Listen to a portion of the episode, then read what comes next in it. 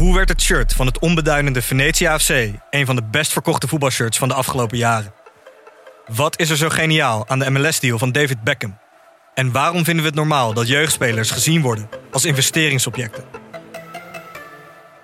In de podcast Grof Geld onderzoek ik, Sam van Raalte, voetbaljournalist, samen met merkstratege Per van der Brink de macht van geld in de voetbalwereld. Wat gaat er schuil achter de wereld van sport en glamour? En wie profiteert er? Luister naar Grof Geld en hoor hoe de Skybox de staantribune beïnvloedt. Deze podcast is 100% expertisevrij en alleen geschikt voor amusementsdoeleinden.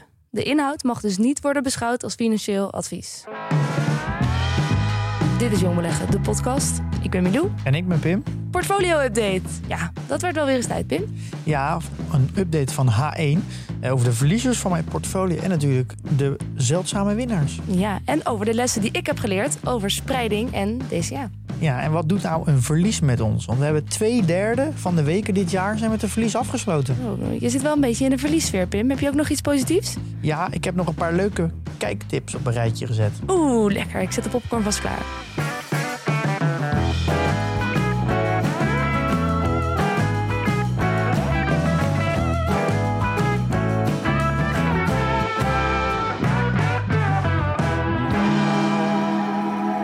Op de voorpagina van het FD. Ja, ik geloof dat ik dat was, ja. Hoe kan dat zo? Nou, ik, had, eh, ik, ik, was, ik wist dat ik uh, geïnterviewd ging worden. Dus uh, we hadden een belafspraak gemaakt. En we hebben even gebeld over de boeken die ik las. ik heb wat boekentips mogen uitdelen. van fictie tot non-fictie. Ik heb heel veel fictietips gegeven. Een paar non-fictie. Nou, alle non-fictie zit erin. alle fictie niet. Maar ja, goed, voor de FD-lezer moet natuurlijk een selectie worden gemaakt. En ik zag donderdag al het artikeltje verschijnen op LinkedIn. Dus ik dacht, oh, nou, het staat op LinkedIn. En toen zaterdag kreeg ik van alle kanten inderdaad de foto's van de voorpagina van FD toegestuurd. Waar mijn foto best wel pontificaal op stond. Ik vond het wel confronterend. Wat vond jij? Ja, even kijken hoe groot is het? Dus een, A, een A3 een krant. Je hebt, Ja. de helft, je hebt gewoon een A4 formaat foto. Dat is nogal, eh, nogal groot. Ja, ik vond het ook wel, eh, ja. Ik heb het niet gelezen zelf. Nee, leuk eh, niet gelezen. Nou, ik heb één keer gelezen toen ze het mij terugstuurden. En toen zei ik van, nou, dit kan beter anders en dat liever anders. En dit heb ik zo gezegd, maar dat bedoelde ik niet helemaal zo. En dit is een beetje feitelijk onjuist, want... eh, nou ja, gewoon, er zat dan feitelijke onjuistheid eigenlijk in de titel. In de kop van het artikel. Dus ik had daar al op gereageerd van, verander dit alsjeblieft. En dat had ze toen niet gedaan, die, eh, die kop. Dus toen dacht ik, oké, dan wil ik de rest ook echt niet lezen. Nou, het was voor mij dat viel eigenlijk mee hoe groot het was. Het was best wel een klein artikel. Ja, Je verwacht ja. als je op de voorpagina staat dat je in een eh, Ja. van, eh, twee kantjes interview Minstens een katern, maar nee, ja, inderdaad. Ja, leuk. je hebt weer even je moment of fame gehad. Precies. Dus ik ben weer verzadigd voor komende tijd. Nou, goed. Deze aflevering hebben we het dus over ja, portfolio-update. Wanneer is eigenlijk dat we dit voor het laatst hebben gedaan? Ja, we doen natuurlijk eigenlijk altijd wel een tussendoor een beetje een update. Ja. Dat hebben we al eh, op het einde van de aflevering. Ja, maar, een een echt- hele aflevering. Ja, een echte update is denk ik december geweest. Dus dat is alweer nou, zes, zeven, acht maandjes geleden. Hm. Ja, dat was ongeveer op het hoogtepunt van mijn Oh, portfolio. ja. Toen ging het beetje eh, vorig jaar, november, december. Dat is een beetje de moment dat de daling is ingezet. Je eind november. Ja. En we hebben in december een soort van het beleggingsjaar 2021 en een portfolio-update doorgenomen. Ja. Eh, dus dat is eigenlijk de laatste keer dat ik echt een grote update heb gedaan. Hadden we toen ook al iets van een prognose gesteld voor hoe het eh, dit jaar zou gaan? Nee, ik- we hebben überhaupt geen. Ja, er blijven we altijd weg van. Ja. Dus, eh, Maar nu we zo in, in zo'n negativiteit zitten qua beurs, heb ik het idee dat het ook weer nooit anders is geweest. ja, dat, weet je wat ik, wat ik als laatste dacht?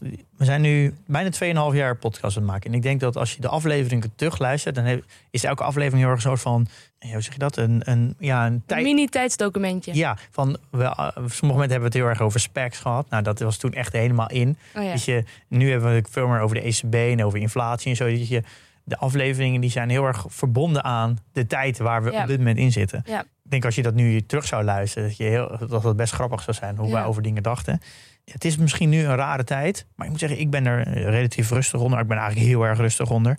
Tweeënhalf jaar tijd beleggen en dan ja, zoveel meegemaakt. Ik, we hebben natuurlijk al een paar keer herhaald. Ja. Ik vind deze periode echt, eh, ja, echt super waardevol.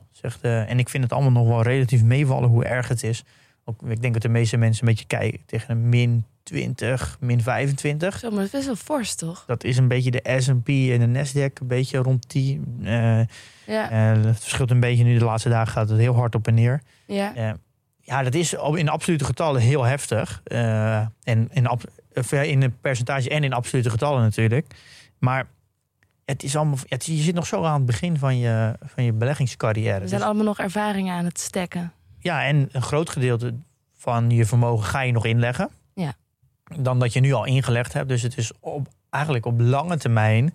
Als je echt aan je de regels houdt van ik beleg echt voor minimaal 10 jaar en ik hoef het de komende 10 jaar ook niet uit te halen. Dan is dit eigenlijk alleen maar gunstig. Maar ja, want er zit dus nog niet heel veel geld in. De verliezen zijn in absolute zin nog niet heel groot. Nou, als je nog niet zo lang belegt, dan kan je eigenlijk wel zeggen dat het geld wat jij elke maand nu inlegt, is, is dat verlies kan je best wel snel aan inleg goed maken. Als je bijvoorbeeld begint met 1000 euro en je maakt nu een verlies mee, bijvoorbeeld van 50%, je verliest 500 euro. En je, gaat, en je bent bijvoorbeeld student, maar je gaat over een jaar werken. Dan is die 500 euro verlies, die, die verdien je straks terug in een, eh, in een week werken. Ja. Eh, dus die verliezen zijn in absolute getallen misschien heel groot, maar je kan dat. eh, eh, voor in percentages, maar je kan in absolute getallen kan je dat heel snel goed maken, Ja. omdat je nog relatief weinig geld hebt ingelegd. Ja. Geldt natuurlijk niet voor iedereen, voor mij ook natuurlijk niet helemaal, Eh, want voor het verlies wat ik dit jaar heb in absolute getallen, daar, eh, daar moet ik meer dan een jaar voor werken. Mm. Eh, eh, maar ja, Wil je ik, dat delen? Hm? Wat is dat dan? eh, ja, dan moet ik even erbij pakken. We kunnen dat natuurlijk gewoon goed zien. Eh, 65.000 euro Ja. eh, in absolute getallen. Ja. En nu op dit moment. Eh, dus het verschilt natuurlijk een beetje wanneer je meet. Voor mij is het, ik heb al heel al in het begin aangegeven, ik wil heel graag leren beleggen. En leren beleggen, ja, dat, dat kost gewoon tijd. Daar ga je fouten maken. Dat kan gewoon niet anders.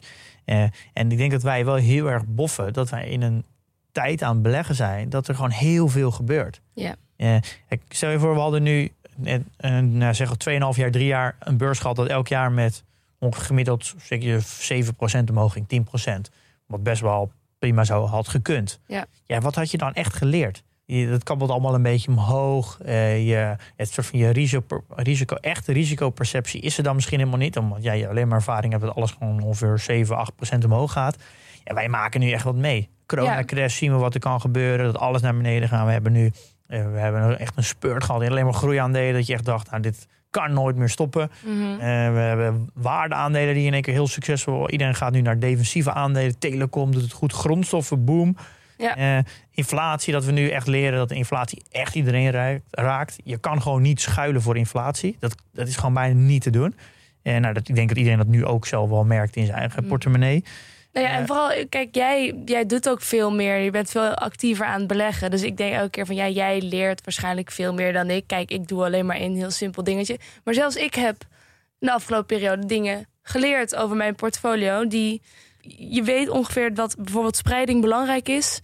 Maar je weet het pas echt als je het ziet, of als je het voelt, of als het gebeurt. Ja, absoluut. Ja, ja. Daarom ik- zeggen ze ook ja. altijd, op papier beleggen he- heeft geen zin. Ja. Je moet beleggen met echt geld, want dan voel je wat, het, wat er gebeurt en dan ga je pas echt leren. Ja, ja. En daarom is het nu dus ook zo dat ik best wel nog een oké rendement heb hier te date in vergelijking met de S&P 500. Ja, wat, eh, nou, jij, wat heb jij geleerd dan nu? Nou, eh, doordat ik ehm, ook een, eh, een China-ETF heb, die ik eigenlijk was altijd een doorn in mijn oog, waarom ik daarmee aan ben begonnen. Want het heeft eigenlijk al sinds ik hem heb aangeschaft alleen maar in de min gestaan, alleen maar rode cijfers.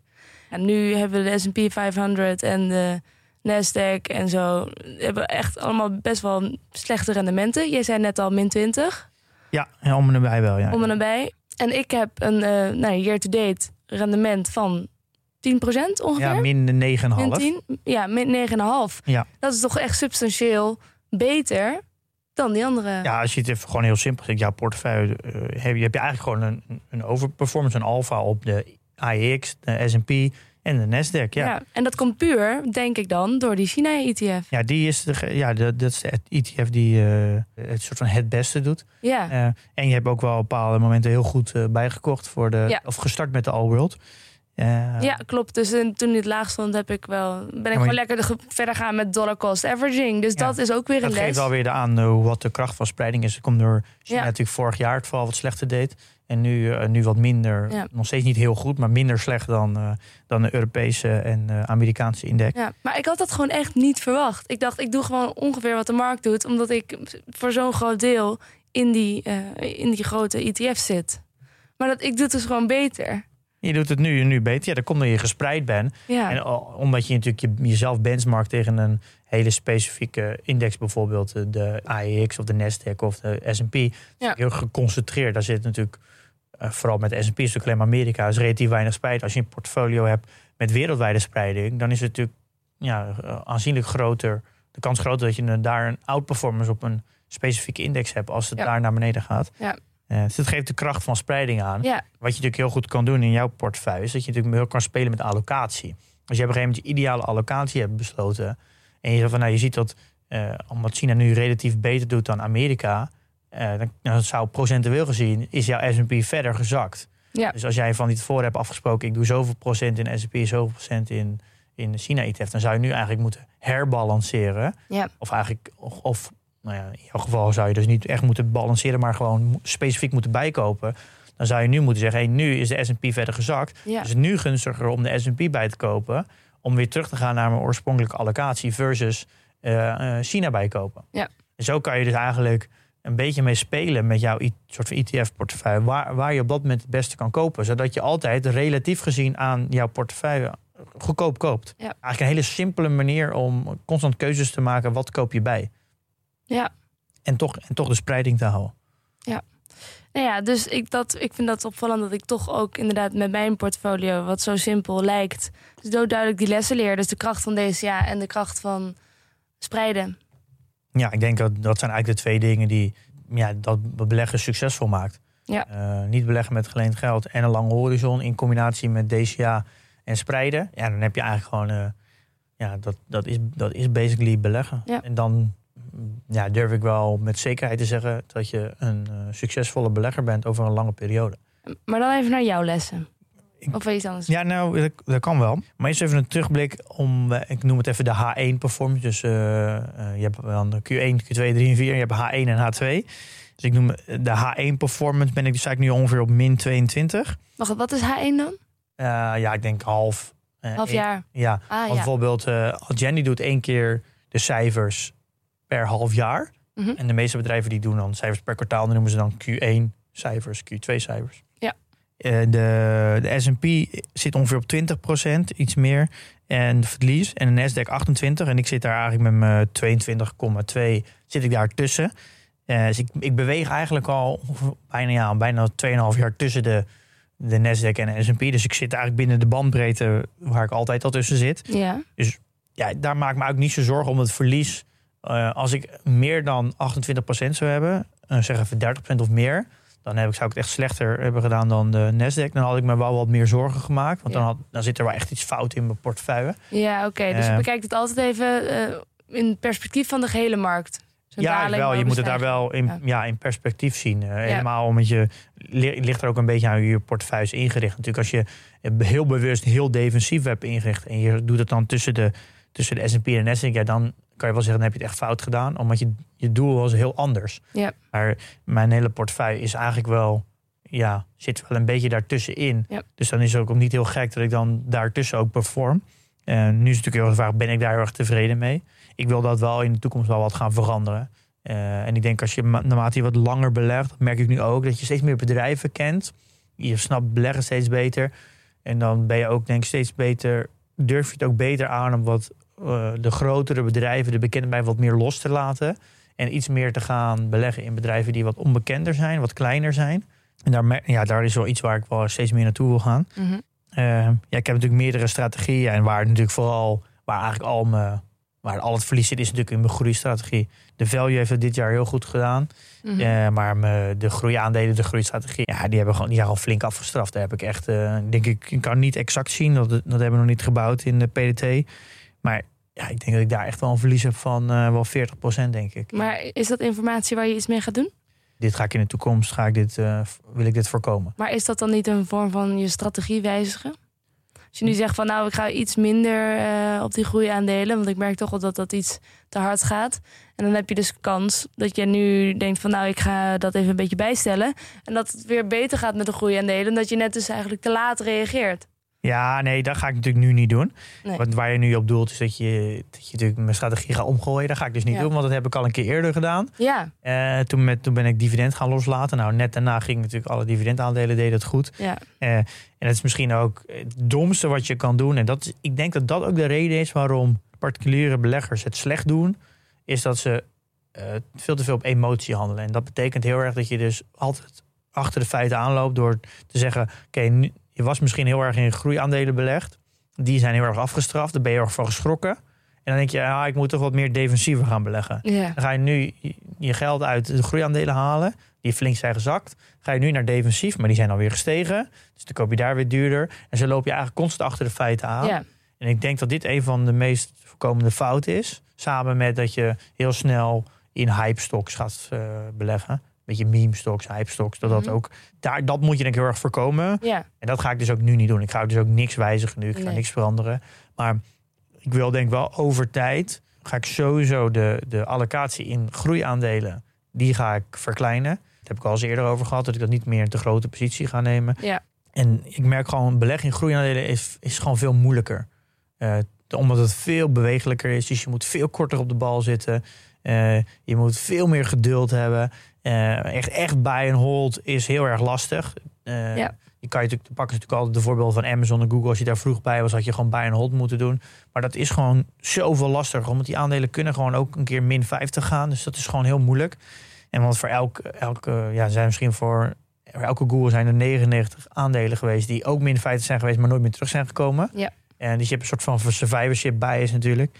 En aandelen die nog geen winst maken, waar dus heel veel belofte in zit, daar ga ik veel meer voor uitkijken. Groeiaandelen beleggen is gewoon veel moeilijker dan, dan de value of de, of de dividend eh, of de GARP, vind ik. Eh, Ja. dus Je moet veel korter op de bal zitten, je moet veel scherper zijn, veel kritischer zijn eh, en misschien ook veel meer handelen. Ja. Die aandelen gaan veel harder heen, heen en weer. Dus als er heel erg veel optimisme in het aandeel zit, hoe meer het aandeel stijgt en hoe, ja, hoe meer er wordt verwacht in de toekomst, hoe groter de kans is als ze een keer niet voldoen aan die verwachting, dat het aandeel echt flink wordt afgestraft. Ja. Ik bijvoorbeeld Adyen is ook flink afgestraft, ASML en Nvidia. Maar dat zijn dus drie aandelen die ik al zo lang heb, vanaf het begin, dat ik nu nog steeds flink in de plus sta. Eh, Ja. dus kijk, dan is het emotioneel misschien wat minder erg. Ook Ja. al zou je er eigenlijk zo niet naar moeten kijken. Want je moet eigenlijk elke positie bekijken alsof het je ergens anders ook in zou stoppen. En nooit kijken naar het rendement in het verleden van dat aandeel. Ja. Dat heeft ook eigenlijk helemaal geen zin. nee. Maar dat is toch wat je toch wat meer doet.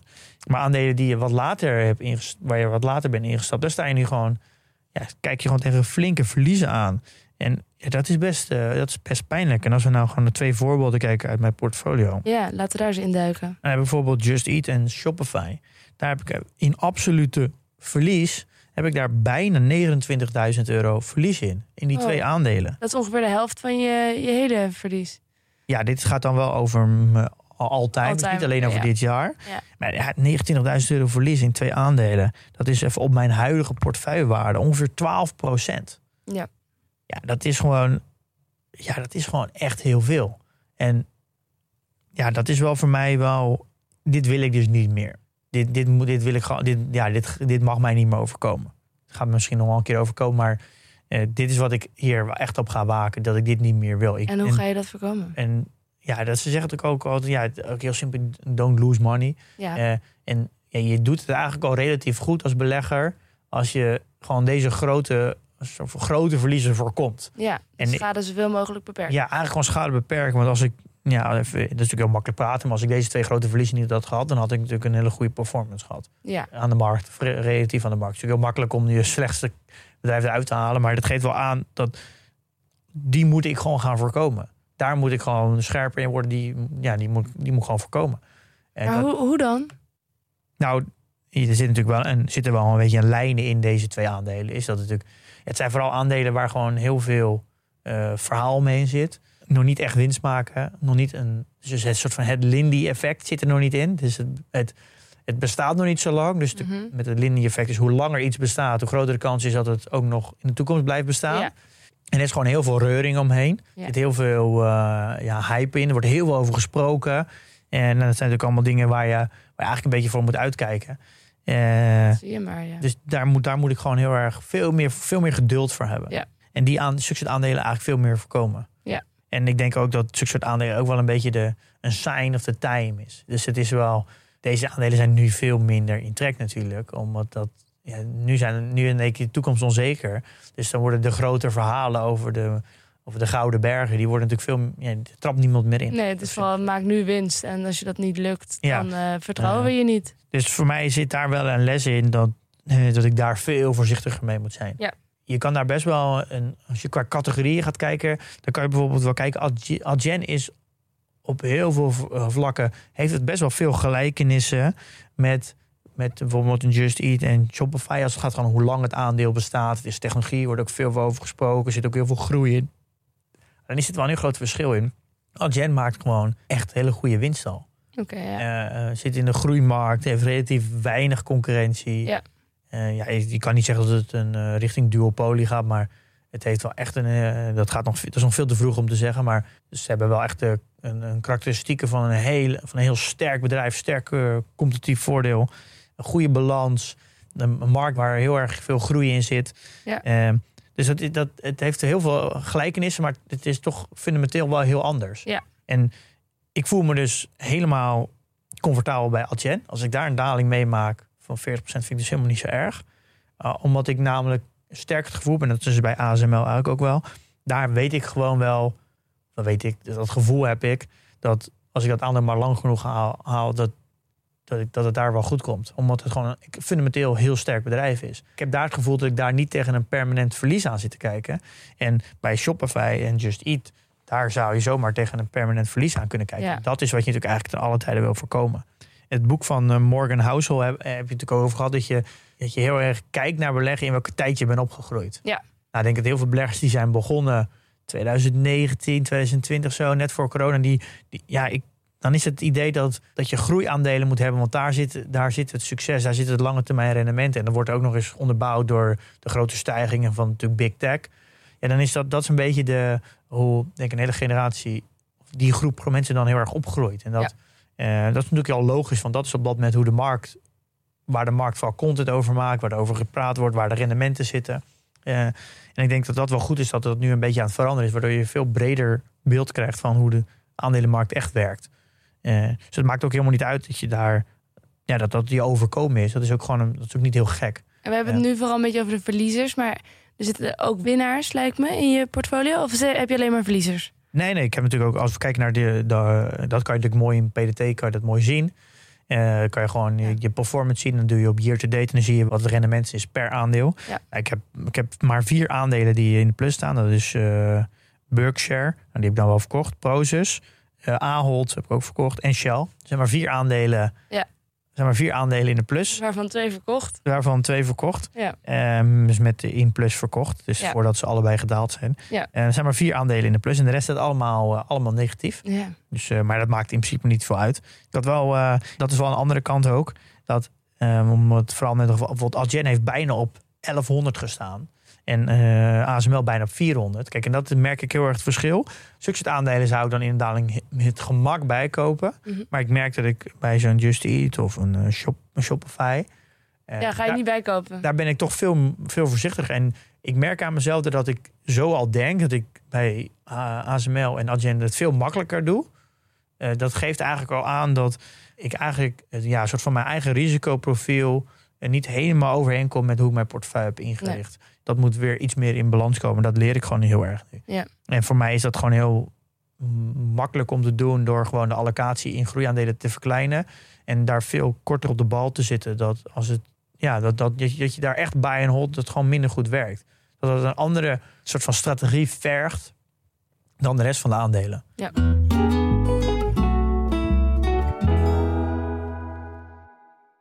En we hebben tot nu toe dan vooral over wel year to date, over dit jaar. Maar wat als je nou uitzoomt naar het grotere geheel? Ja, dat is natuurlijk, dat kan je er heel mooi zien. Ik ben, ik ben begonnen met beleggen toen ik gelijk min 53% ging. Ja, voor de crash, voor de coronacrisis. Ja, dus als ik daar naar kijk, denk ik, jemig dat ik toen niet gestopt ben. Ja. Eh, en dan zie je een hele rechte, bijna alleen maar rechte lijn omhoog tot ongeveer november, december. Mhm. Heb ik op het hoogtepunt bijna 60% in het plus gestaan. En nu schommel ik de laatste maand, eigenlijk de laatste 30 dagen ben ik dus drie keer in de min gegaan. Dus ik ben Ja. gewoon echt in het gewoon 100% rood gegaan. Dus, eh, eh, dus ik ga in het rood, in het groen, rood, in het groen. Eh, Ja. Dus ik heb gewoon even in zeg, 2,5 jaar beleggen, heb ik gewoon eigenlijk gewoon weer in de min gestaan. Dus Maar wat bedoel je daarmee? Dat je... ja, wat ik daarmee bedoel is dat ik, je hebt natuurlijk gewoon je originele inleg. En ik heb in de laatste 30 dagen ben ik gewoon maar qua portefeuillewaarde drie keer onder mijn originele inleg gegaan. Ja. Dus heb ik, ga ik gewoon in absolute getallen gewoon in verlies. Niet alleen year to date, maar ook absoluut. Eh, all time. Dus ja, dat is wel eh, dat is zo'n eh, psychologisch grensje waar je dan doorheen gaat. Ja. Maar ja, dat geeft wel aan. Ja, ik heb wel gezien dat je wat het effect is van als je rendementen maakt en, en van een daling heb ik dus al meegemaakt. Dus dat geeft mij wel aan dat ja, als ik, dit moet ik gewoon lang volhouden. Het geeft mij zoveel rust dat ik weet dat ik hier gewoon de komende 20 jaar dat ik het geld niet nodig heb. Dat, dat, dat maakt mij zo Ja. rustig. Ja, n- dat heb ik ook wel. Maar ik moet toch ook zeggen, kijk, we weten allemaal dat je je emotie niet moet laten bepalen wat je doet. Toch heb ik wel ook mensen gesproken die zeggen van ja, ik heb eh, laatst gewoon alles verkocht. Want ik dacht, ja, er komt een recessie aan. En eh, ja, nu stond ik gewoon nog echt lekker in de plus. Dus ik heb het er eh, even uitgehaald. En als die recessie voorbij is, dan begin ik wel weer. En dan denk ik toch van, ja, nee, dat moet je niet doen, dat weet ik. Maar er is een stemmetje in mijn hoofd dat zegt van, ik kan ook nu gewoon nemen wat ik, wat ik heb. Er is gewoon een soort van naderend onheil waarvan je denkt van ja, ik kan het gewoon voor de zekerheid er toch gewoon uithalen. Ja, ik, dat gevoel snap ik heel erg. Maar waar je, wat ik, ten eerste dan moet je twee keer bepalen. Want je gaat wanneer ga je het er nu uithalen. En wanneer, ga je En er- wanneer ga je het er weer in doen. Mhm. Eh, en wat je heel goed moet realiseren als belegger, is dat de beurs ongeveer zo'n half jaar tot anderhalf jaar, twee jaar vooruit kan lopen. Dus de markt is al op het hoogtepunt min 30 gegaan. Dus je kan ook zeggen, eh, dat is al, de recessie is al ingeprijsd.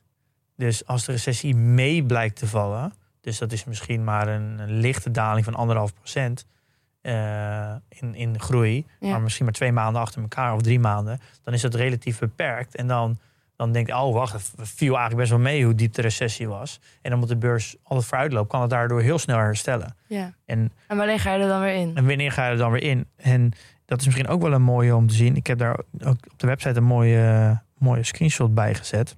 eh, van de afgelopen van dit jaar. Wat de performance is in mijn portfolio per week. En dan zie je dat, er, dat ik twee derde van eh, de weken van ten nu toe dit jaar afgesloten ben met een verlies. En een derde met een plus.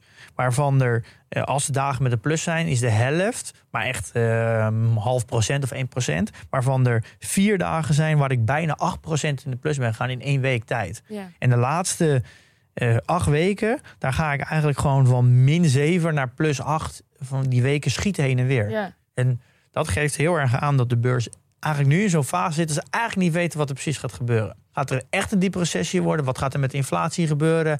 Maar je, wat je wel weet is dat als het mee blijkt te vallen, dat dan de koersherstel in, die, in de periode daarna heel snel is. Ja. Eh, ze zeggen ook al, de herstelweken na de bodem, die zijn het snelst. Dus dat is het moeilijke aan timen. Dat als jij aan timen bent en je stapt er later in, dan kan je gewoon in één keer een spurt van misschien 15, 20 procent omhoog missen. En ja, dat, is, dat is, zijn zulke is zo groot, dat maak je eigenlijk niet meer goed. Dus als je gaat timen en je timt verkeerd, en je mist daardoor 15, 20 procent rendement, dat rendement kan de komende 20 jaar niet, Ja. eh, niet renderen. Ja. Kan je niet compounden. En Dat, dat kan je eigenlijk bijna nooit meer goed maken, dat verlies. Ja. Eh, daarom is timen zo, zo extreem moeilijk.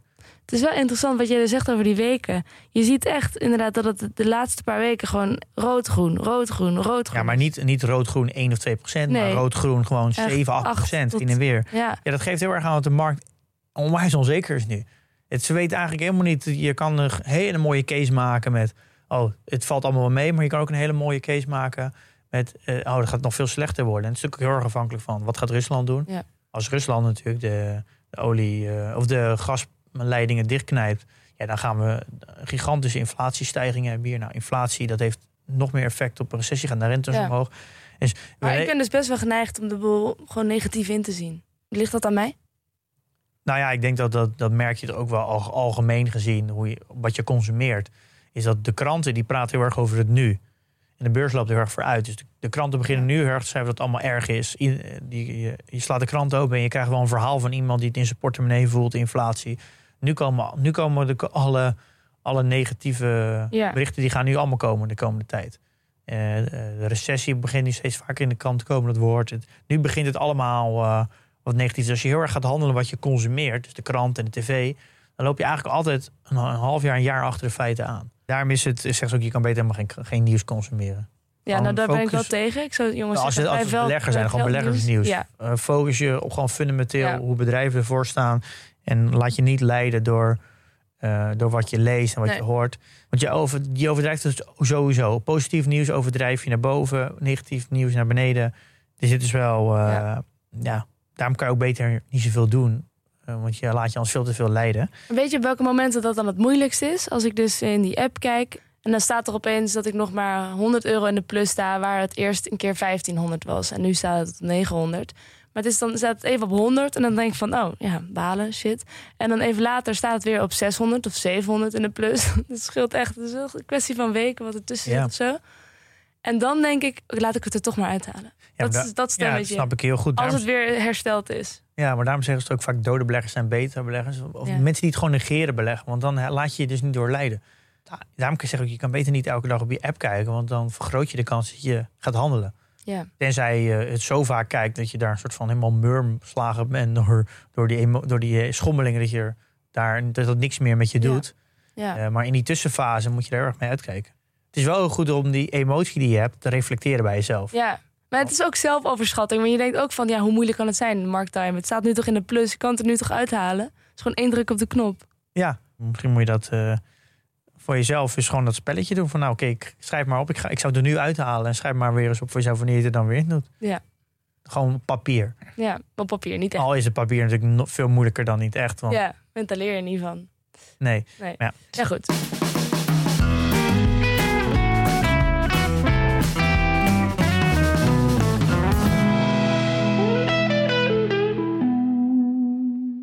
Hoe ziet jouw portfolio er eigenlijk uit op dit moment? Ja, ik heb, Hoeveel bedrijven, even de, de facts. ja, ik heb nu 17 aandelen, waarvan en, en één ETF. Eh, dat is de All World. Die is ook de grootste positie, 20%. En de kleinste positie is iets minder dan 2%. Ik wil uiteindelijk wel, ik had een beetje gezegd, ik wil om en bij 20 aandelen. Ja. Dat is niet, ik weet niet of dat echt ideaal voor mij is, maar dat is een beetje waar ik nu op focus. En ik merk wel dat het een beetje verschilt, want een bedrijf als Ahold, ja, die kan je er prima bij hebben, want dat vergt eigenlijk bijna geen onderhoud. Dat, dat aandeel is zo makkelijk om, om bij te houden. Dan lees je Ja. gewoon één keer even de kwartaalcijfers en dan ben je eigenlijk alweer klaar.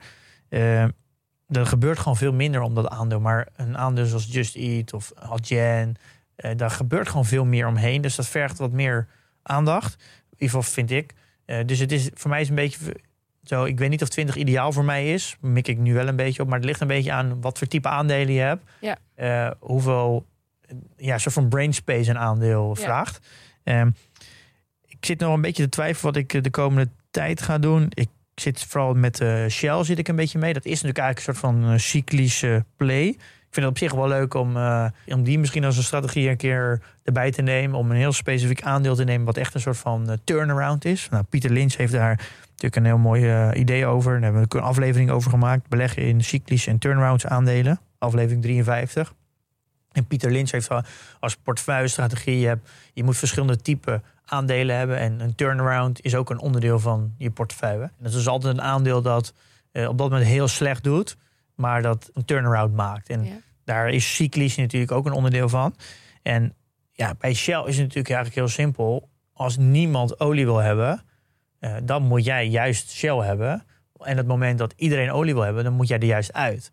En eh, Shell is natuurlijk, nu wil iedereen olie hebben. De olie is, olieprijs had al meer dan zes maanden boven de 100, met zelfs pieken naar 120. Dit is eigenlijk wel het moment voor een oliebedrijf om eigenlijk eruit te stappen. Eh, Voor een oliebedrijf om eruit te stappen? Waar? ja, als je dat oliebedrijf in je portefeuille hebt, Ja, voor jou om eruit te stappen. Want ja. ja, dat, ja, echt heel veel beter dan dit gaat het denk ik niet worden. Nee. Eh, ja, het kan misschien heel lang nog zo goed blijven, maar veel beter gaat het bijna niet worden. Het is een soort van perfect storm voor zulke aandelen. Eh, dus daar zit ik wel mee. Daar moet ik, daar moet ik misschien wel. Jij moet dat nu verkopen dan. Ja, of, of positie halveren. Ik moet daar wel wat mee. Want ja, hoe lang ga ik daar dan op wachten tot de olieprijs weer naar 65 zakt? Ja. En het geldt eigenlijk een beetje voor bijvoorbeeld zo'n Vopak. Dat is natuurlijk het omgekeerde van Shell. Dat is natuurlijk opslag van olie. Nou, de opslag van olie gaat alleen gebeuren als de olieprijs laag is. Nou ja, niemand wil Vopak nu hebben, want Ja. de olieprijs is heel duur. Maar dat is juist als je toch een turnaround wil, dan zijn dit juist het moment dat je zulke soort aandelen moet Ja. hebben. Ja. Koop die. Misschien heb je een jaar, weer een jaar te vroeg. Maar ja, wacht een jaar. Ja, je- maar gaat waarschijnlijk toch niet zoveel gebeuren in de tussentijd. Ja, misschien eh, over drie jaar pas. Maar ja, dat is wel. Als je, la, Ja. je moet zulke aandelen natuurlijk juist kopen als niemand het wil hebben. Ja. En nu zijn er de luxe goederen. Die zijn echt nu niet in trek. Iedereen denkt er komt een recessie. Niemand gaat meer luxe goederen kopen. Die worden flink afgestraft nu. Dus dat kan echt wel al een. eh, dat zijn nu de cyclische aandelen. Ja. Als je bereid bent om, om een fundamenteel goed bedrijf te kopen. En je zegt, nou, ik hou hem gewoon drie jaar vast. Want ik denk dat de economie in drie tot vijf jaar misschien wel draait. Dat is een strategie die, eh, die ik misschien ook wel leuk vind om, om toe te voegen. Om daar ook wat meer over te leren. Van Ja. hoe werkt nou zo'n Het anticyclische. Ja. Nee, juist een cyclisch aandeel. Ja, precies. Maar mensen- dat je anticyclisch gaat beleggen. Dus dat je tegen de... ja, de meeste mensen willen juist een, een anticyclische portefeuille. Ja. Van bedrijven die in elke economische omstandigheid, alle economische omstandigheden juist heel goed doen. Ja, Eh, maar je kan juist soms ook profiteren van hoe cyclische economie is. Ja. Eh, misschien ga ik daar nog wat mee doen. Ook om te leren. Vind ik op zich ook wel leuk om dat eens een keer te proberen. Daar ben ik een beetje naar aan het kijken nu. Ja. En ik ben nog aan het nadenken of ik die ETF niet moet gaan afbouwen. 20% vind je te veel. Ja, Ja. of gewoon de ETF misschien weg moet doen en dat moet gaan verdelen over drie of zo aandelen, losse aandelen. Ja. Dat ik weer gewoon een portefeuille van 20 aandelen heb. Ja. Dus daar ben ik eh, aan het kijken.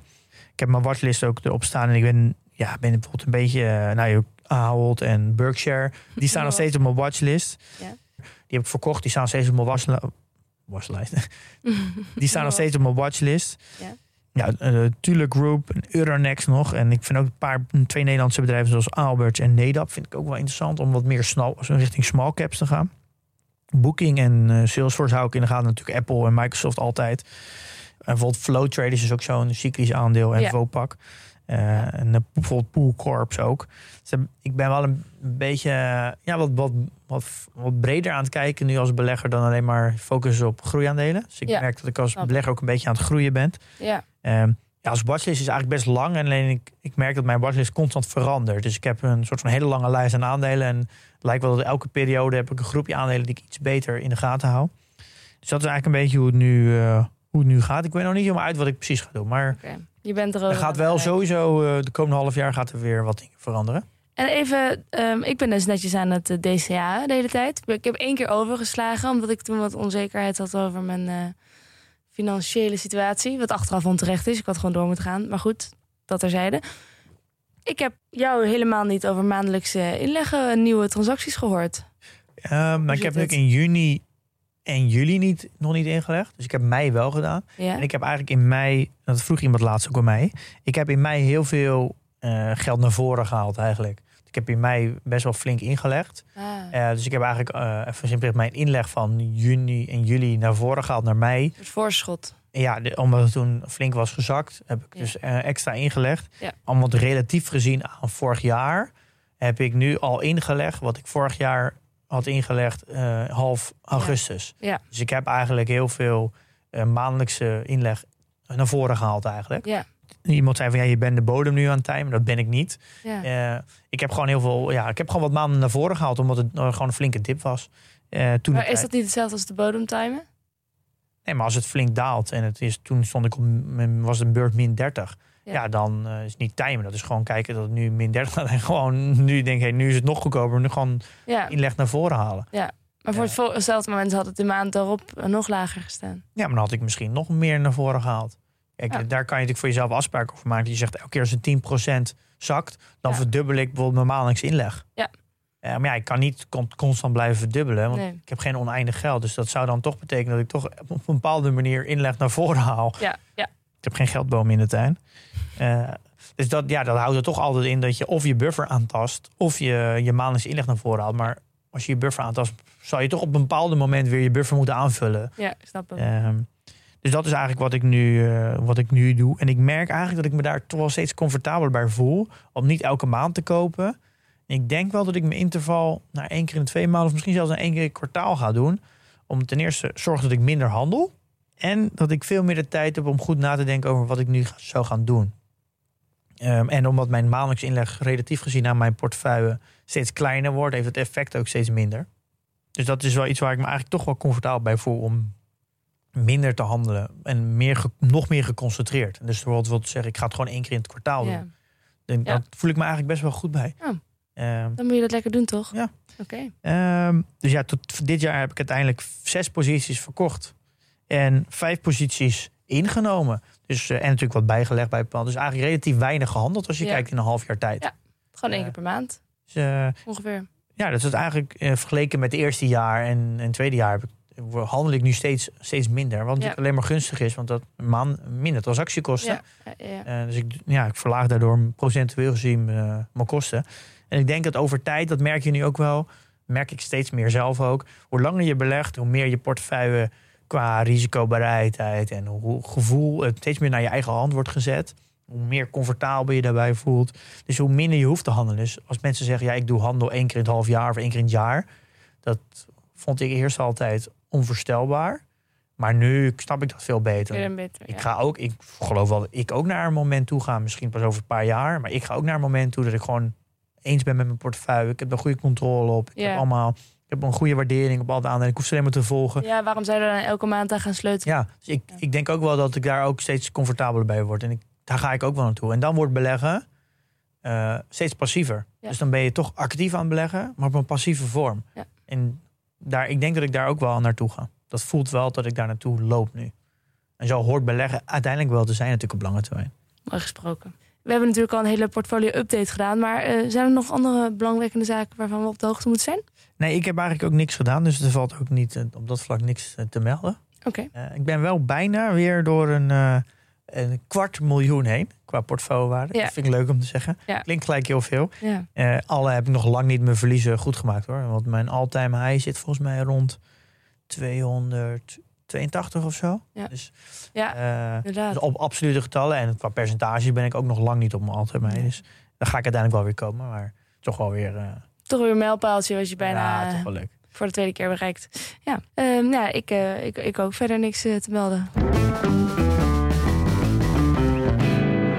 Jij houdt heel erg van eh, films hè? Zeker, en series. zeker. En nou, vooral films, veel films en documentaires, ja. Kijk jij wel eens een, eh, een documentaire of film of serie eh, gerelateerd aan macro-economie, beleggen, de beurs? ja. Wel films, bijvoorbeeld The Wolf of Wall Street, telt dat? Ja, die telt ook wel, ja. ja, ja. Als een film over beleggen en over de beurs. Nee, daar blijft het wel een beetje bij. Hoewel, er is nog één. The Big. Short, heb je Big gezien? Short heb ik ook gezien, ja. Ja, oh, kijk, nou, dan heb je wel de, de twee bekende gezien. Ja, ja. Ik denk dat The Big Short voor iedereen wel een, eh, een, eh, ja, bij- ja, bijna een soort van must-have is. Helemaal nu dat Michael Burry, waar de film over gaat, eh, die, de, die de, de huizencrisis heeft voorspeld, Ja. nou, de kredietcrisis volgde, nu weer heel erg short is gegaan. Ja, ja want de- ik weet nog, daar zit toch, hoe heet die chick ook weer, die blonde vrouw. Die gaat dan uitleggen in Ja. wat wat short gaan is. ja, klopt. Toen werd ik eens een keer gebeld door Radio 1 of ik even kon uitleggen hoe dat zat met eh, Toen ging je ook short naar, gaan. toen ging je ook Ik naar ben bad. voor de gelegenheid even in bad gaan zitten. Ja. Ja, ik denk dat die is wel leuk om te kijken. Die, kei- die heb ik al een paar keer gezien in de Wolf of Wall Street, maar dat is meer amusement. Ik, ik, heb, ik ben eigenlijk de laatste tijd wat films en series gaan kijken en documentaires. Eh The Boiler Room. Had je tijd over? Ja, even gewoon af en leuk. Gewoon even kijken. Oké, Ja. Eh, The Boiler Room heb ik gezien. Mhm. Is, is ook wel een grappige film. Gaat ook een beetje over beleggen dat ze een heel callcenter eh eh, aandelen tips eh, geven. En dan dat ze dan moeten instappen. En dan gaan, maar onder, onder water krijgen ze heel veel provisie ervoor. Dus eigenlijk, en niemand ontdekt dat en krijgt een geweten. En Ja, ja. is wel op zich wel een grappige film. Ook komt in 2000. En heb je een goede documentaire tips? Die, die echt, kijk, die- sommige van deze films hebben ook, zijn gebaseerd op ware gebeurtenissen. Maar ik hou ook wel van als het, een, als het Ja, echt gebeurd is. Nou ja, de, Netflix heeft best wel veel van zulke soort series. De, de China Hustle is wel leuk. Mhm. Dirty Money is interessant. En eh, Chasing Madoff, dat is ook wel, ja, dat is natuurlijk van die uh, piramide scam. En eh, Capitalism, A Love Story is ook wel interessant. Oh. En ik heb er één nog niet Story. gezien en die wil ik nog heel graag zien, is Margin Call. Heb ik wel van gehoord. Dat is weer Ja, een die- film, toch? Ja, dat is een film. Ja. Ehm, dat is echt een klassieker, 2011. Maar die, ik kan die even nergens vinden, dus die moet ik ergens een keer kopen. Oké. Die zit niet op een streamingdienst. Nee. Dus dat is een eh, eentje die ik nog wel wil zien. Maar daar heb ik heel veel eh, leuke verhalen over Hmm. gehoord. En een andere, dat is meer een serie, maar ook amusement. Billions. Dat gaat over hedge funds. Dat is ook op zich wel grappig eh, om te zien als je daar een beetje van houdt. Hoe de dynamiek daar een beetje werkt. Ja, ja, ja. Ik heb op de website de, alle films en series gezet met een linkje naar de, naar de, de trailers. Dus, dus Oké. kan je gelijk bekijken. Ja. En er zijn natuurlijk ook. Kijk, beleggen gaat natuurlijk ook over ondernemen en over geld. Dus er zijn best wel wat documentaires en films die ook wel daaraan gerelateerd zijn. Mhm. Nou, Minimalism is een interessante documentaire op Netflix. Eh, Playing with Fire gaat over de ah, Financial Independence Retire Early. ja, Money Monster en, en dan de Social Network, natuurlijk over eh, eh, Facebook. Ja. Eh, The Founder gaat over de oprichting van McDonald's, is ook heel interessant. Oeh, die heb ik volgens mij gezien. Eh, en natuurlijk de twee films van eh, Steve Jobs, dus Steve Jobs en Jobs. Eh zijn ook wel leuke films om te kijken. Maar moet je hier niet een ontzettende vakidioot voor zijn? Of is het ook is het voor iedereen leuk? Nou, niet, niet elke film is voor iedereen leuk. Eh, ik, ik heb ze allemaal wel gezien. Ik vind Ja. het wel vermakelijk. Ja. Ik vond die van bijvoorbeeld de founder van hoe McDonald's. Ik vond dat eigenlijk best leuk om te zien. Mhm. Ja, ik vind de Social Network heb ik heel vaak gezien. Ja, en ja, ik vind ja, ik, de beweging van FIRE en eh, minimalisme vind ik op zich wel interessant om daar wat een beetje te volgen. Ik ben daar niet zo direct niet heel veel mee, maar vind het altijd wel interessant. Ja, ik denk ook dat ik van het fenomeen minimalisme nog wel een hoop kan leren. En ja, Steve Jobs zijn ook wel leuke films. Eh, Helemaal als je al zijn boek hebt gelezen. Wat de meeste mensen denk ik wel hebben. Zijn de biografie. Wat trouwens echt een eh, gigantische aanrader Ik denk dat de meeste mensen de biografie van Steve Jobs gelezen is. Ja, hebben. natuurlijk. Van de luisteraars dan misschien. Ja, Of van, van, de, van de mensheid. Het is vaste kost. Verplichte kost. Ja, ik denk wel. Ik, eh, ik lees hem bijna voor aan mijn zoon in plaats van Jip Janneke. Dat gaat ver. Is Als iemand de een, kindertelefoon bellen. is trouwens echt een heel goed boek om te lezen. Ja, het is Apple is het grootste bedrijf in de wereld. Iedereen heeft een iPhone. Iedereen heeft een iPad of een MacBook. Eh, In ieder geval de meeste in Ik heb een West-Europa. beetje het idee dat jij jezelf als standaard neemt voor de algehele mensheid. Maar dat is oké. Eigenlijk moet jij die eens gaan lezen. En dan daarna be- beoordelen of, of het de moeite waard was. Het is wel een heel dik boek. Oké. Eh, ik zeg nu oké. Eh, ik zal erover nadenken. Oké, wanneer ben je jarig? 22 oktober. Bijna. Ja, bijna. Ehm, volgende week eh, hebben we een oude bekende te gast. Ja. Niet zo oude bekende, eerder een jonge bekende. Mees Bovenlander. Ja. En dan gaan we het hebben over volatiliteit. Ja, dat is nogal wat op dit moment. Ja, het, want het gaat ontzettend op en neer. Wat zegt dat eigenlijk? Wat is het? Hoe wordt het gemeten? Wat heb je eraan? Hoe kan je het in je voordeel gebruiken? Hoe werkt het tegen je? Ja. Eh, hoe kan je dat gebruiken in je portfolio management? Ja, ze zeggen toch wel, dat heeft ook in het mooie boek gestaan... waar we het ook hebben, over hebben gehad van Morgan Housel. De prijs die je betaalt om in aandelen te zitten... van het risicopremie die je betaalt in aandelen... is eigenlijk volatiliteit. Ja, Dus Ja. eigenlijk, eh, zo wordt het vaak gezegd dat de, de prijs die je betaalt... daar willen ze ook een risicopremie voor... Ja. is de volatiliteit. Die. Ja. Je rendement is je risico. Kan je dat dan ook stellen? Ja, nou kijk, dat is, daar gaan we dus over hebben. Want Ja. daar zijn de meningen nog over verdeeld in de wetenschap. Dus daar gaan we ook nog even de wetenschap erbij pakken. Hoe, wat zegt de wetenschap over volatiliteit? Nou, ik heb er alle vertrouwen in met Mees. Ja, het een, eh, wordt een leuke aflevering. Jongens, dan zeg ik eh, in de tussentijd investeer in je kennis. En beleg met beleid.